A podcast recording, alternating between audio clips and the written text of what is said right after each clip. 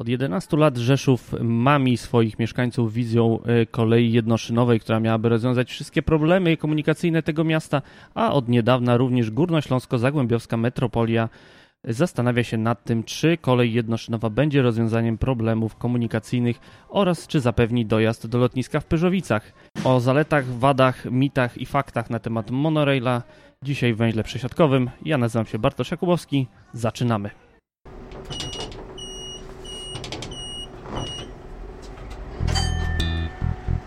Mm-hmm.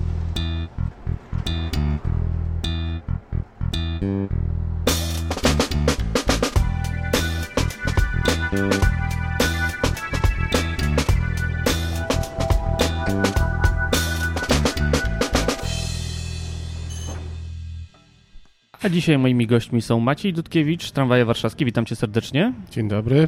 Witold Turbanowicz, Transport Publiczny.pl. Dzień dobry.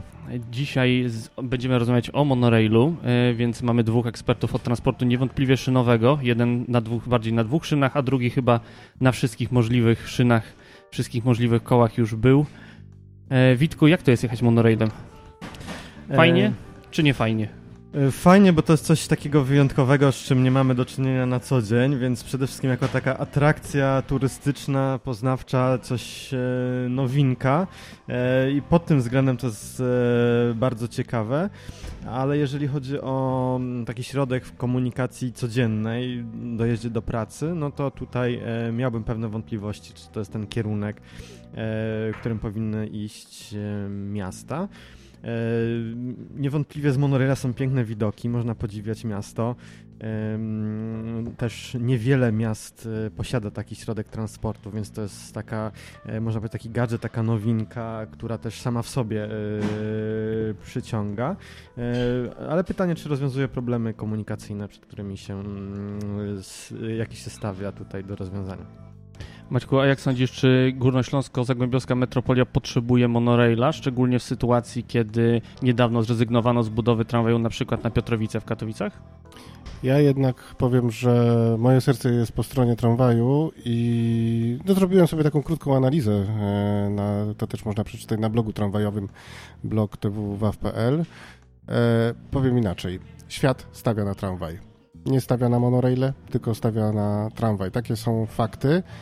A zwłaszcza jak mówimy o tej e, konurbacji zagłębiowsko-śląskiej, no to myślę sobie albo się zastanawiam, czy jednak nie lepiej byłoby poszukać jakiegoś systemu, który by po prostu współpracował z tym systemem, który już istnieje, czyli z tramwajami albo z koleją. No cóż, y tramwaje w Gopie to dość drażliwy temat, można powiedzieć, ale y, mam tu kilka słów od rzeczniczki Górnośląsko-Zagłębiowskiej Metropolii na temat monoraila. Posłuchajmy, co ma na ten temat do powiedzenia. Możliwość budowy kolei typu monorail pojawia się w dalszych, bardziej zaawansowanych wariantach koncepcji kolei metropolitalnej.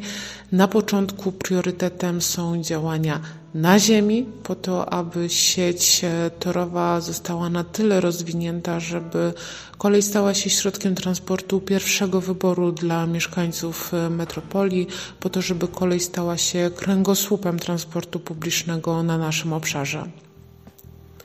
Według koncepcji kolei metropolitalnej, którą zaprezentowaliśmy w styczniu 2019 roku, e, monorail mógłby połączyć miasta Śląska i Zagłębia z międzynarodowym portem lotniczym Katowice w Pyrzowicach. Mm, natomiast budowa e, tego typu kolei uzależniona jest między innymi od tego, ilu pasażerów będzie obsługiwać Katowice Airport. E, pojawia się tam założenie, że musiałoby to być 10 milionów pasażerów pasażerów rocznie. E, ze wstępnych szacunków e, portu lotniczego wiemy, że mogłoby się to stać w okolicach 2030 roku. W koncepcji kolei metropolitalnej przedstawione zostały również szacunkowe koszty, jeśli chodzi o budowę kolei jednoszynowej. E, wyniosły one około 4 miliardów 200 milionów e, złotych. Musimy tutaj pamiętać, że e, budowa monoraila jest kilka razy droższa od budowy kolei tradycyjnej. Dla porównania możemy przyjąć taki szacunek, że budowa jednego kilometra kolei tradycyjnej to około 50 milionów złotych, natomiast jeden kilometr kolei jednoszynowej to około 200 milionów złotych. Więcej szczegółów odnośnie mm, kosztów, ale również celowości, zasadności zastosowania poszczególnych rozwiązań, które zostały wskazane w koncepcji, zostaną one uszczegółowione w studium wykonalności. W tym momencie jesteśmy tuż przed rozstrzygnięciem przetargu na wykonawcę, który opracuje dla nas studium wykonalności. Prace nad tym dokumentem potrwają e, kilka lat.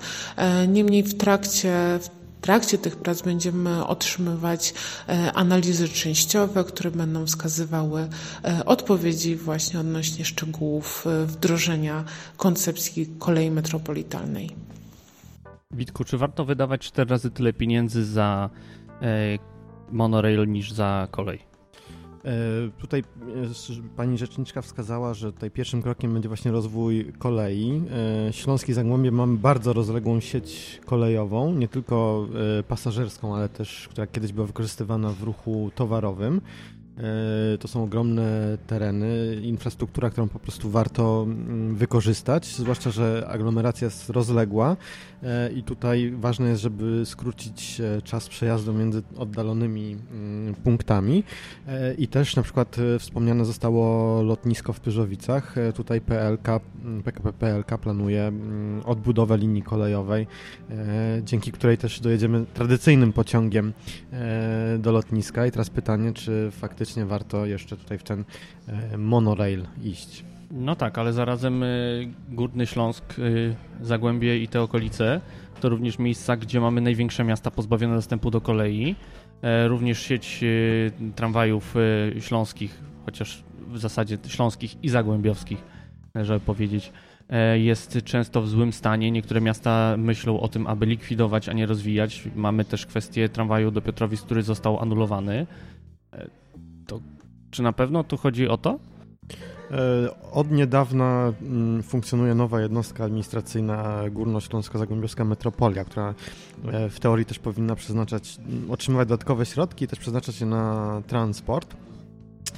E, no i też pytanie, czy przy tym stopniu zaległości transportowych e, faktycznie monorail jest tym kierunkiem, e, który powinniśmy w pierwszej kolejności rozważać. Faktycznie wiele miast stoi tyłem do kolei w mm, metropolii, ale to się powoli zmienia i myślę, że przede wszystkim tutaj właśnie powinniśmy na, na kolej postawić. Zresztą mm, obsługa metropolii za pomocą kolei, no to, to nie jest nowa koncepcja.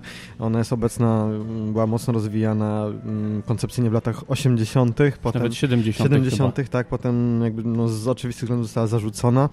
E, no ale warto do tego wrócić. E, no i warto korzystać z tego, co już e, jest po prostu, bo to jest zawsze łatwiej, e, zawsze taniej niż rozwijać zupełnie nowy środek e, transportu, który też jakby drożeniowo oznacza większe koszty, bo, bo coś musimy od zera e, zbudować, czyli nową zajezdnię, dedykowany tabor, e, więc to zawsze są wyższe koszty niż rozwój tramwajów, pociągów, kolei, czyli istniejącej infrastruktury. Czyli Maciek byś lobbował za tym, żeby jednak Pyżowice przez Wojkowice połączyć z Katowicami linią tramwajową? Dla mnie to jest zawsze pytanie o, o to, czy jest sens budować e, jakiś system transportu publicznego w ogóle. E, widać, że zapotrzebowanie, przynajmniej tak jak pani rzeczniczka mówi, na dojazdy e, transportem publicznym do lotniska szynowym czy jakimś niedrogowym jest, ale dla mnie dość zaskakujące okazały się te, te koszty. No jeżeli, jeżeli jest to wyceniane w, na w województwie śląskim jako cztery razy droższe, no to to trudno to bronić, mimo że ja bym nawet chciał bronić tego monoraila w jakichś e, szczególnych e, przypadkach. No, można powiedzieć tak, że e, na całym świecie jest około 75 systemów monorail. To jest, to jest, to jest niezbyt wiele, zwłaszcza jeżeli popatrzymy, ile jest tych systemów tramwajowych, bo ich jest około 400.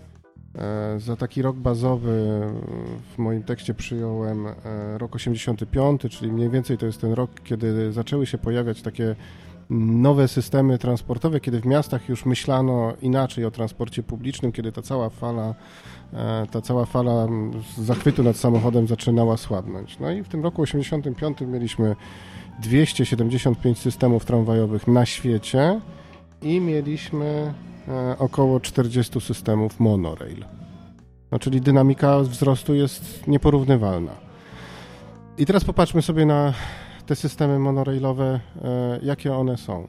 Tylko 20 z nich to są takie typowo miejskie systemy do przewożenia pasażerów po mieście, aczkolwiek tutaj na obronę monoraila muszę uczciwie powiedzieć, że często tego typu systemy e, sprawdzają się jako wydzielone mm, takie, takie dojazdówki na przykład, nie wiem, do lotniska albo na przykład na, w kampusie uniwersyteckim i to wtedy działa. Natomiast ja nie znalazłem tak naprawdę poza, e, poza Azją, nie znalazłem, i tu piszę w tekście też, że monorail, monorail najlepiej smakuje na słodko-kwaśno, nie znalazłem prawie żadnego przykładu, żeby ten monorail był takim systemem do codziennych dojazdów, do dojazdu do pracy, żeby on gdzieś w mieście działał. Ja w ogóle się obawiam, że jakby powiedzieć, że monorail dotknęła Disneylandyzacja, to, to jest słuszne, bo najwięcej tego typu systemach jest w parkach rozrywki, w ogrodach zoologicznych czy w jakichś e, centrach e, kongresowych. To w dalszym ciągu jest system, który nigdzie się nie zakorzenił tak, żeby był częścią systemu transportu zbiorowego w mieście. No można mówić, że naj, najwięcej jest ich e, w Japonii. Tak, rzeczywiście tam są całe linie z całkiem dobrymi przewozami. E, w Chinach, w Syczuanie jest, jest e, miasto, które ma nie, potr nie, potrafię nazwy wymówić tego miasta. Może, może do końca nagrania mi się uda. Tam są dwie linie i w, w Stanach Zjednoczonych jeszcze się zdarzają pojedyncze linie, które, które służą jakoś dojazdom. Reszta to są parki rozrywki i, i takie bardziej mm, przelotne mm, funkcje, gdzie, jakie, jakie, jakie spełniają. To nie jest taki transport publiczny. Wracając do przykładu, do przykładu ze Śląska, tak, oczywiście zastanawiajmy się nad, nad systemem mm, jakiegoś transportu szynowego, który, który dowiezie do lotniska. Jak patrzyłem na mapy, to jeszcze jest ciekawe, że tam po drodze jest sporo miast, więc nie tylko sami lotniskowicze by korzystali z tego, ale chyba też mogliby zwykli pasażerowie. Więc może, może, no ale ta cena. Witek, swojego doświadczenia, jak funkcjonuje monorail w mieście? Byłeś w takich paru systemach? Jechałeś e, nimi? Mm, taki najbardziej miejski system, z którego korzystałem, to jest e, w Moskwie. Mm, tam funkcjonuje jedna linia, która e, łączy, można powiedzieć, rejony dwóch stacji metra i takie centrum e, wystawiennicze. E, mm, poprzedni mer, burmistrz Moskwy miał wizję właśnie rozwoju monoraili, ale też jak się tam czytałem w historii, to się okazało, że też poprzez różne spółki był kapitałowo powiązany, więc też jakby mu e, zależało na rozwoju tej formy transportu. E, no ale po tych, mm, można powiedzieć, po tej jednej linii doświadczalnej okazało się, że na tej jednej linii się skończyło i teraz jest dyskusja, co z nią zrobić i teraz właśnie wróciła w taki tryb wycieczkowy czyli znów e, tam składy rzadziej jeżdżą.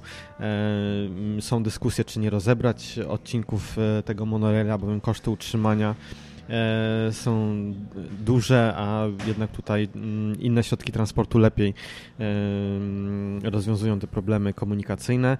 E, no niewątpliwie jest duża atrakcja przejechać się takim monorailem, podziwiać miasto z innej perspektywy, no ale to nie jest zbyt wygodny środek transportu, bo jednak trzeba mm, dostać się na te stacje, które są wyniesione, więc też jakby ten środek transportu jest taki mniej, mniej dostępny w codziennych podróżach. E, jeszcze chciałbym nawiązać do wątku, o którym e, Maciej wspomniał. E, monorail to nie jest nic nowego.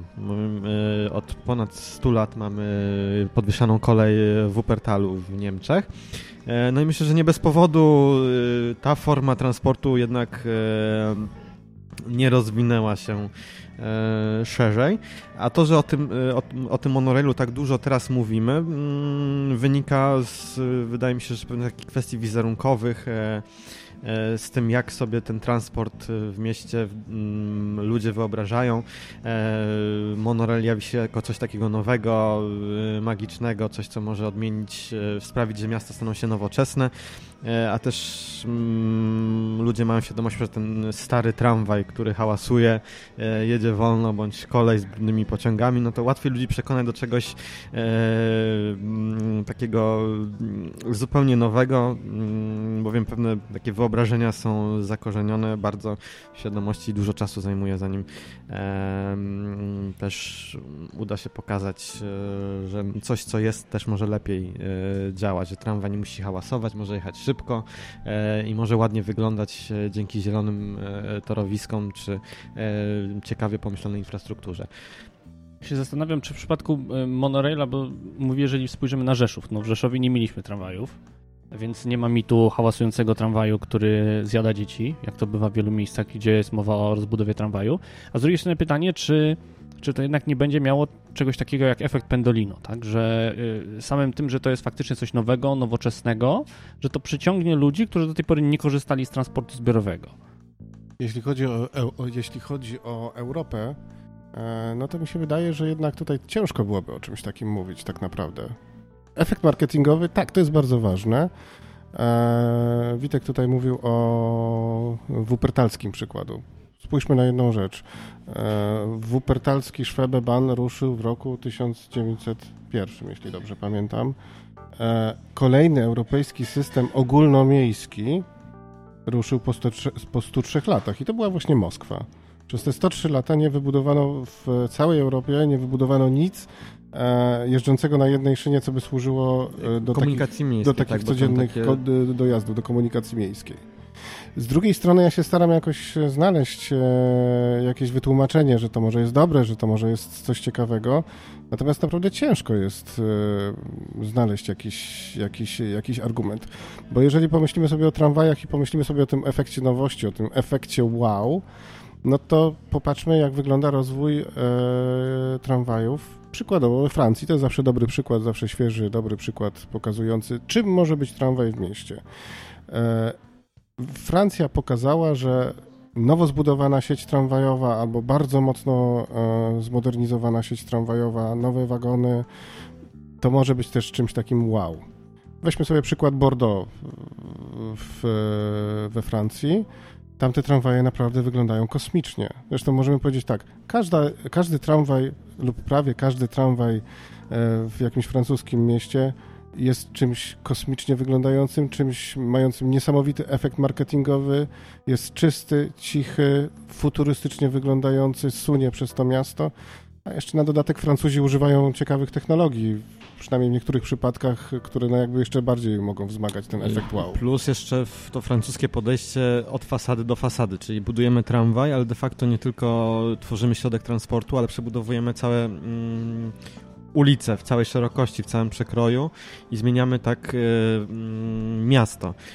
E, I też tutaj w kontekście Rzeszowa wydaje mi się, że mm, warto wspomnieć o takiej jednej kwestii, bowiem y, środek transportu, dany tramwaj czy monorail, zawsze jest częścią układu komunikacyjnego i sam w sobie nie rozwiąże problemów y, komunikacyjnych bez szeregu kompleksowych y, działań.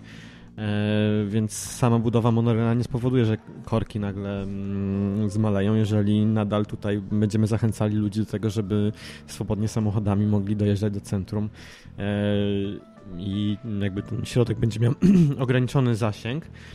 E, I też wydaje mi się, że tutaj jakby mm, ten wizerunek monoraila wiąże się z pewnym takim mitem mm, E, bowiem przeświadczeniem, że budowa tramwaju oznacza spore utrudnienia, bo raz, że w czasie budowy musimy zwęzić ulicę, dwa, że potem e, jak ten tramwaj funkcjonuje, no to zabiera przestrzeń w mieście według e, wyobrażeniu wielu osób.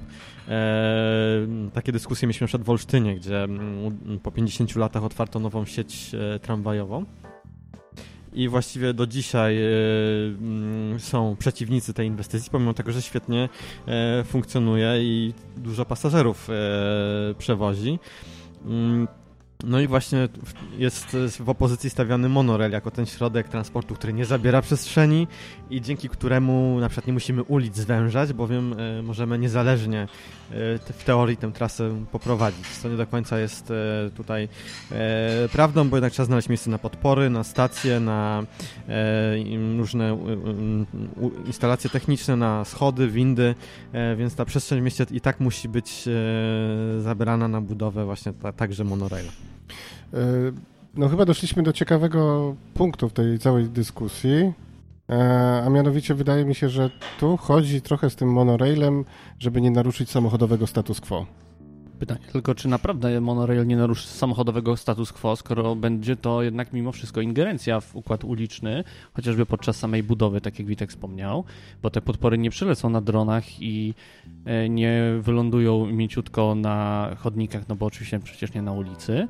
Trzeba będzie zbudować windy, schody, cały zestaw tej infrastruktury, który sprawi, że jednak to może będzie nad ulicą, ale gdzieś na czymś to musi się opierać. Wydaje mi się, że e, jeśli byśmy patrzyli tak z czysto drogowego punktu widzenia, z punktu widzenia kierowcy, który w ogóle nie ma zamiaru jeździć niczym innym niż swoim samochodem, to wydaje mi się, że linia monorailowa też zabierze trochę e, miejsca, e, zabierze trochę miejsca na drogach. Tak, pewnie, pewnie jest to ciut mniej niż torowisko tramwajowe, ale to też, jest, to też jest zabrana powierzchnia, która mogłaby być przeznaczona albo na parkingi, albo na dodatkowe e, jezdnie.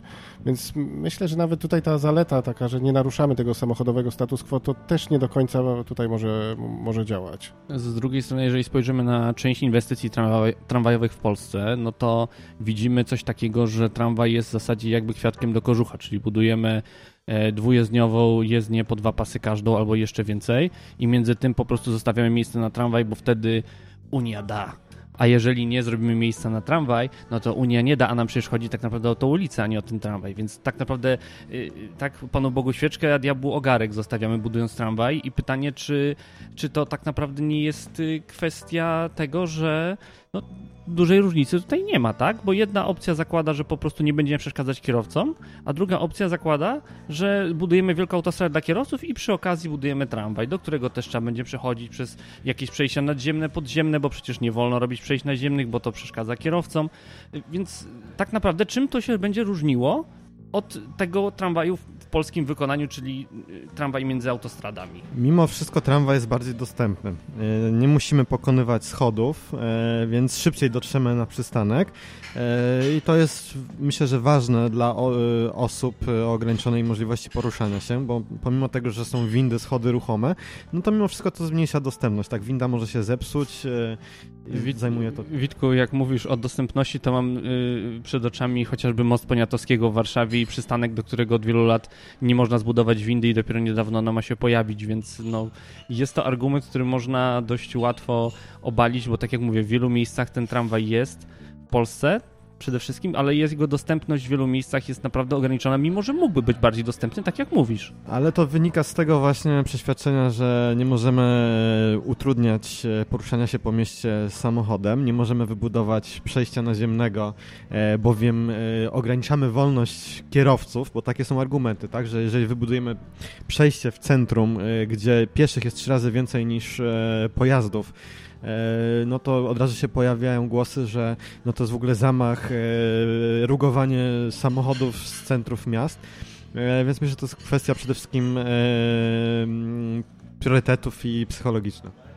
Profesor Jacek Wesołowski, który się zajmuje tymi sprawami transportowymi, w ogóle w transport w mieście z Politechniki Łódzkiej, wymienia bardzo dużo zalet monoraila że jest to łatwe, taka linia monoraila jest bardzo łatwa do kształtowania, że konstrukcja e, tego toru, tej szyny pojedynczej jest, e, nie jest ciężką konstrukcją, więc być może więc być może w jakichś tam przypadkach jest tak, że to nawet będzie tańsze niż jakaś, jakaś większa estakada, że to się dobrze wpasowuje w teren, że można ją łatwo wpasować e, w miasto.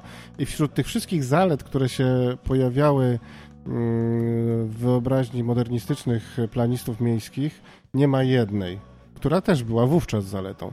A mianowicie takiej linii monorailowej nigdy nie można poprowadzić na poziomie ziemi. Dlaczego? No, jest to, jest, to, jest to szyna, która musi być wyniesiona. Jeżeli taką szynę byśmy umieścili na ulicy, no to w, taki, w takim razie zabieramy miejsce samochodom. Dlatego to się wydawało tak elastyczne i to się wydawało tak mm, pasujące do wizji miasta e, otwartego na samochody. Z Jetsonów. No takie Jetsonowskie to jest. Wydaje mi się, że monorail, monorail bardzo dobrze pasuje do takiej wizji miasta z Jetsonów, gdzie wszystko jest, jest takie nowoczesne. Z wyjątkiem oczywiście tego jednego, jednego aspektu, nie można tego poprowadzić na poziomie ulicy. E, jak popatrzymy na, na linie tramwajowe, no w tym moim nieszczęsnym, a może zbyt często przywoływanym przykładzie z Bordeaux, tam do tego tramwaju wsiadamy z krawężnika, z, z krawężnika na ulicy, wsiadamy z chodnika. Ale tu za każdym razem e, budowa linii tramwajowej wiązała się z tym, że no, trochę uszczknięto tej przestrzeni pod samochody. A, a w przypadku monoraila przynajmniej wydaje się, że nie zabierzemy miejsca samochodom. Tutaj też wydaje mi się, że jest istotny wątek, że w przypadku Rzeszowa no ten monorail musiałby być wpasowany w istniejącą tkankę miejską. E, no Rzeszów też nie ma bardzo szerokich ulic, więc teraz sobie wyobraźmy, że środkiem prowadzimy e, monoraila i jednak, nie wiem, ludzie na wysokości pierwszego piętra widzą estakadę, która pojazdy też emitują pewien hałas, więc też sobie wyobraźmy miasto, gdzie nagle w przestrzeni miejskiej, w tkance miejskiej mamy estakady i trzeba się zadać sobie pytanie, czy to też jakby mm, poprawia wygląd miasta, czy nie. Najbardziej jestem ciekaw tego, jak będą wykonywane analizy dotyczące hałasu i czy nie skończy się to zamknięciem monoraila za ekranami. Tutaj jest istotna kwestia, że właściwie nie ma żadnych przepisów, które określałyby, jak można budować monoraile. E, to też jest taka główna przeszkoda, dla której Rzeszów e, nie przybliżył się na centymetr do realizacji e, monoraila. Być może właśnie o to chodzi, żeby gonić tego króliczka, a nie go złapać. No, ale ostatnio minister Warchoł oraz, jak się okazuje, w Ministerstwie Sprawiedliwości, co jest ciekawe, ani infrastruktury, tam będą pracować nad projektem ustawy, który ma ponoć wprowadzić monoraila do, co ciekawe, ustawy o transporcie kolejowym tam już też pracuje mój imiennik, to nie jestem ja, jeżeli ktoś słucha i czytał artykuły mówiące o tym, że jakiś Bartosz Jakubowski z Ministerstwa Sprawiedliwości wypowiada się o monorailach, to nie, to nie, absolutnie nie jestem ja. No, mają umożliwić takie E, takie ale zmiany takie ustawowe ogólne... pozwalające mhm. na to, żeby ten monorail zaistniał. Ogólne przepisy to jedno, ale potem jeszcze przepisy wykonawcze, czyli tutaj musi być e, dokładne przepisy, które wskażą, jak budować tego monoraila, czyli nie wystarczy e, do ustawy o transporcie kolejowym dopisać wszędzie lub e, kolei jednoszynowej typu monorail, e, tylko trzeba stworzyć specyficzne przepisy dla tego środka tak transportu. Tak warunki, warunki tak. techniczne dla kolei jednoszynowej. Oczywiście w polskim e, prawie da się zrobić, e, mm, nie wydać aktu niższego rzędu. Na przykład mieliśmy tak z metrem do czynienia przez wiele lat. E, w ustawie było odwołanie, że tutaj będą oddzielne przepisy dla metra i nie było tych przepisów, więc się budowało na odstępstwach. Mm, dopiero kilka lat temu mm, tutaj udało się stworzyć dokładne przepisy dla metra. No ale w przypadku monoraili, no to wydaje mi się, że to jest dużo E, problemów i kwestii, które powinny zostać uregulowane właśnie w oddzielnych e, przepisach. Hałas, odległości, e, więc jeszcze wydaje mi się, że długa droga przed Rzeszowem czy jakimkolwiek innym miastem, jeżeli chodzi o możliwość budowy. Ja się też zastanawiam nad jedną rzeczą. Jeżeli to miałoby być jako kolej, to od razu widzę pierwszą różnicę między tramwajem a koleją w Polsce. Niestety mamy bardzo ścisły podział na kolej i tramwaje i generalnie tramwaj mam wrażenie, jest zbudować dużo łatwiej i dużo łatwiej zarządzać siecią tramwajową niż zbudować linię kolejową i tam prowadzić ruch. Że to kolej w Polsce jest kolej w Polsce jest tak okupiona y, przepisami najróżniejszymi i tak nimi obwiązana, że jest to bardzo trudne, natomiast tramwaj zbudować łatwo. Macie, mam rację? Łatwo jest zbudować tramwaj do Wilanowa? Zdecydowanie łatwiej, bo, nie, bo tramwaje nie podlegają pod jurysdykcję Urzędu Transportu Kolejowego. Czyli być, być może jest to słuszne, ponieważ no, tramwaje nie rozpędzają się tak bardzo jak kolej, mają mniejszą masę, e, zatem nie muszą być e, pod taką ostrą kontrolą e, techniczną. To, to, to jest proste do wytłumaczenia. Ale tak, tramwaje i kolej, być może tak nie powinno być, ale nawet jestem przekonany, że nie powinno tak być, stanowią oddzielne światy. No między innymi przez, przez tyle lat Polsce nie udało się doprowadzić do wprowadzenia w jakąś praktykę tramwajów dwusystemowych, czyli tramwajów, które jeżdżą i po torach kolejowych, i po torach tramwajowych. I, i, I, słyszę często, że to nie jest sprawa samej techniki, woli bądź braku woli, tylko przepisów. Jak twoim zdaniem przepisy dotyczące monoraila będą bardziej restrykcyjne no, niż jeżeli to, ma być, jeżeli to ma być kolejowy, to się zaczynam zastanawiać, czy Urząd Transportu Kolejowego nie będzie kontrolował tych, tych monoraili. Aczkolwiek z drugiej strony, no już nie, nie, nie róbmy sobie takich wielkich żartów e, z tego Urzędu Transportu Kolejowego. Z drugiej strony pamiętajmy, że metro przecież podlega pod Urząd Transportu Kolejowego, no jako oddzielny system e, komunalny, no, no zupełnie daje sobie radę. No i również do, mogliśmy powiedzieć, no po co budować metro, skoro możemy budować tramwaje? Przecież metro też jest dużo droższe od tramwaju, też jest na innym poziomie, jest mniej dostępne.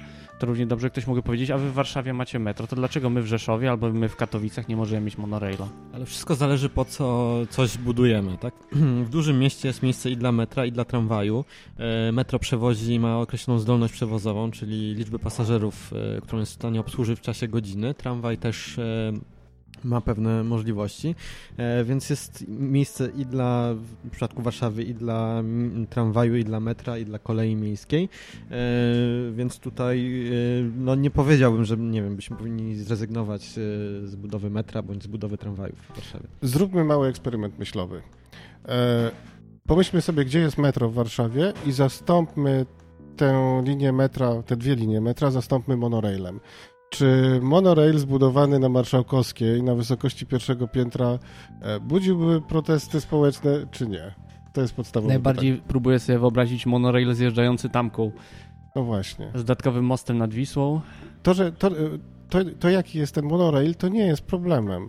Yy, tylko budujemy metro pod ziemią, system kolei bardzo, z, z bardzo dużą przepustowością, dlatego że nie ma miejsca na ziemi. E, I tak samo, gdybyśmy chcieli wybudować monorail przykładowo, nawet w Warszawie, no to w centrum miasta on musiałby zejść pod ziemię. No chyba, żebyśmy się zdecydowali na to, żeby powiedzmy przez ten mm, plac Konstytucji e, przechodziła ta na jednej belce, taka na wysokości pierwszego czy drugiego piętra przechodziła, przechodziła linia tego, tego monoraila. To jest podstawowy problem.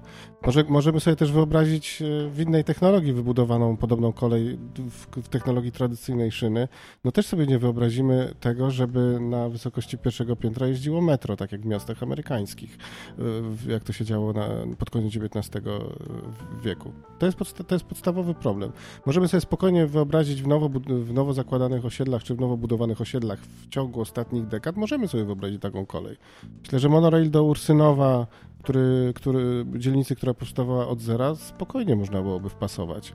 Ale musiało to, by być na, musiało to by być na etapie projektowania wymyślone. Tylko czemu I wtedy etap... prawdopodobnie nie byłoby tej pierzejowej zabudowy, bo nie wiem, czy ktoś chciałby mieszkać, mając widok na monoraila z okien. Tylko właśnie znowu powstaje pytanie, skoro projektujemy, projektowalibyśmy od zera, to po co projektować coś, coś, co jest cztery razy droższe od kolei czy tramwaju? Dlatego, e, dlatego jak popatrzymy na statystykę światową, to monoraile powstają jako systemy wydzielone zawsze, tak? To jest dojazd do lotniska. To jest, e, to jest tak jak w Dortmundzie, to jest wydzielony system e, dowozówek od linii tam S-Banki do, do kampusów uniwersyteckich. To zawsze jest jakiś taki, taki ogryzek, który lepiej lub gorzej zdaje swój egzamin, ale to jest jakby zawsze coś dodatkowego. To bardzo rzadko jest systemem podstawowym. I tu właśnie sobie przypomniałem, jak się nazywa to miasto w Syczuanie w Chinach, Chongqing. Y, jest tam 100 kilometrów tras monoraila i stamtąd pochodzą też te takie zdjęcia zachwycające, jak, jak ten monorail przejeżdża przez, przez środek budynku. Ale w Chinach to jest jedyne miasto, które rzeczywiście używa tego monoraila jako systemu śródmiejskiego, a przynajmniej w jakiejś takiej bardziej zwartej zabudowie. Chociaż ja nie jestem pewien, e, czy mieszkańcy tego, tego budynku, przez który przechodzi ta, ta, ta jednoszynowa kolej, tak bardzo są zadowoleni z tego, że, że mieszkają, że mieszkają prawie, prawie na stacji. No ale to trzeba by ich zapytać, pewnie się tego nigdy nie dowiemy. A też nie wspomnieliśmy tutaj o jednej ważnej kwestii. E, jak budujemy metro czy tramwaj, no to jednak to jest, e, można powiedzieć, technologia, która jest przećwiczona przez bardzo wiele miast. Jest bardzo dużo podmiotów, e, które budują, dostarczają tabor, więc e, tak metro warszawskie może zamawiać sobie pociągi od Rosjan, od Alstomu, od Siemensa, od Skody Tak samo tramwaje warszawskie mogą właściwie od bardzo wielu producentów kupić tabor. Nie ma problemu z doborem firm, które budują taką infrastrukturę, a w przypadku monoraila właśnie mamy przywiązanie do jednego dostawcy, jednego producenta i to jest przywiązanie na lata. Ja jeszcze ciekawą rzecz zauważyłem, jeżeli chodzi o ewolucję tego, tych, tych, tych dwóch systemów, jak porównujemy tramwaj i monorail. Przyjmijmy, że pierwszy taki nowoczesny e, monorail powstał w Seattle w 1962 roku. To jest oczywiście monorail, mono, e, monorail, który jest używany do przewożenia pasażerów na jakiejś tam odległości, to jest konkretnie 4 km. Jeśli popatrzymy na tabor i na technikę, która jest wykorzystana dzisiaj, chociażby tam w Syczuanie, to to się niespecjalnie zmieniło. Ten, ten, ten pociąg w Seattle e, od tych nowych chińskich praktycznie niczym się nie różni. No może ma trochę więcej chromu, przecież w latach 60. to nam się e, lubiło, e, lubowali się Amerykanie w tych takich wstawkach chromowanych. Natomiast popatrzmy na tramwaj. Tramwaj przeszedł niesamowitą nie tyle rewolucję, co ewolucję od mniej więcej lat 70. Nagle się okazało, no może nie nagle, bo to jest oczywiście ewolucja, okazało się, że tramwaj nie musi być wysokopodłogowy, może być niskopodłogowy i rzeczywiście można do niego wsiąść z krawężnika, schodnika. Nie trzeba się wdrapywać po tych niewygodnych e, schodach. To była tak naprawdę no, rewolucja dla, dla tramwajów. E, też pojawiają się nowe rodzaje napędu dla tramwajów. Pamiętajmy o tym, że coraz więcej mamy systemów tramwajowych, które już nie wymagają sieci trakcyjnej nowo budowane systemy tramwajowe, no nie wiem, Detroit chociażby w, w, Stanach Zjednoczonych, czy dużo chińskich systemów, to są, to, są, to, są takie, to są takie tramwaje, gdzie one mają tę sieć trakcyjną albo na krótkich odcinkach, albo tylko na przystankach, bo dalej jadą, jadą po, no, W Europie po też mamy Luksemburg na przykład. No dokładnie, dokładnie. Gdzieś pojawia się nowy tramwaj, to, to on jest, on jest nowoczesny. A ten monorail od tych lat 60., no, no nie zmienił się. I trzeba się jeszcze wdrapywać po tych schodach. E, no, można wjechać windą albo schodami ruchomymi, jeśli są.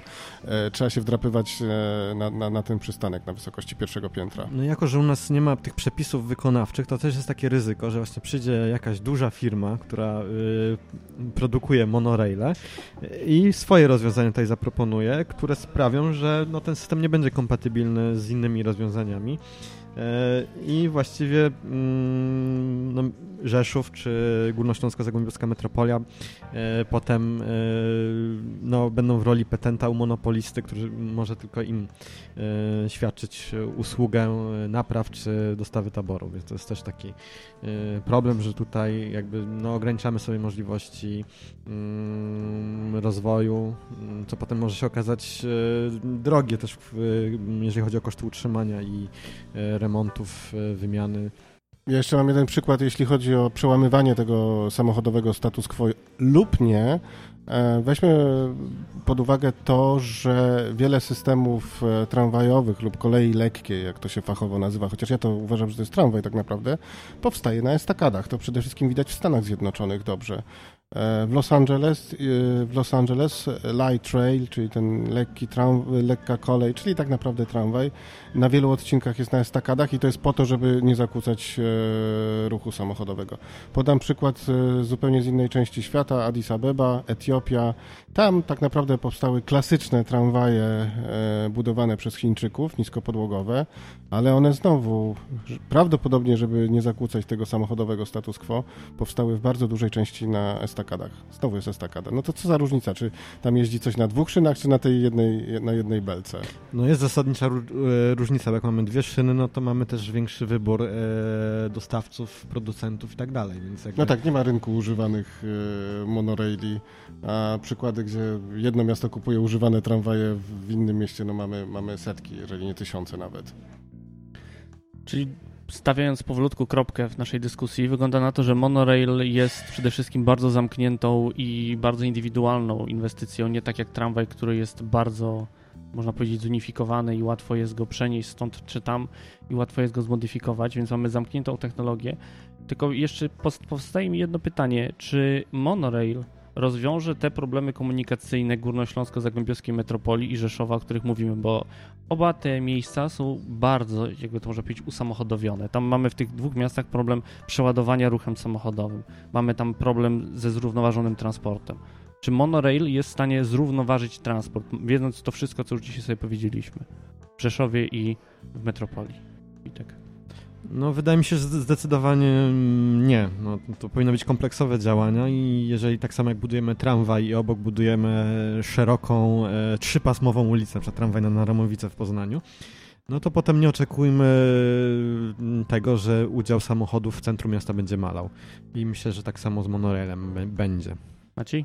Mi się wydaje też, że jeżeli nie popatrzymy w którymkolwiek z tych miast na sprawę e, całego udziału e, wszystkich środków transportu w, w, tym, w tym przemieszczaniu się po mieście, to, to, to, to nie będzie to odpowiedź na, na cokolwiek, bo, bo tak naprawdę zadaniem, e, zadaniem, a właściwie celem jest e, zachęcenie ludzi do transportu publicznego, a nie zrobienie e, efektownie wyglądającego transportu publicznego. Może to być monorail, może to być tramwaj, mogą to być, nie wiem, nawet jakieś magnetyczne pociągi, byleby ludzie przesiedli się z samochodów e, do transportu publicznego. To jest cel. A jak dobrze wiemy, czasem bywa, że celem jest cel sam w sobie, czyli gadżet ban w tym wypadku, jak to wygląda. Bardzo Wam dziękuję. Maciej Dudkiewicz, Witold Urbanowicz byli moimi gośćmi.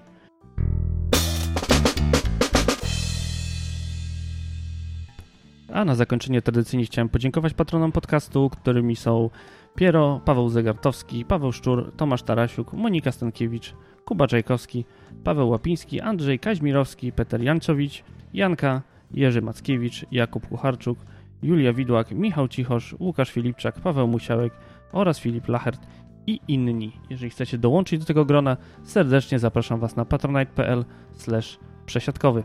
Na dziś to wszystko. Do usłyszenia.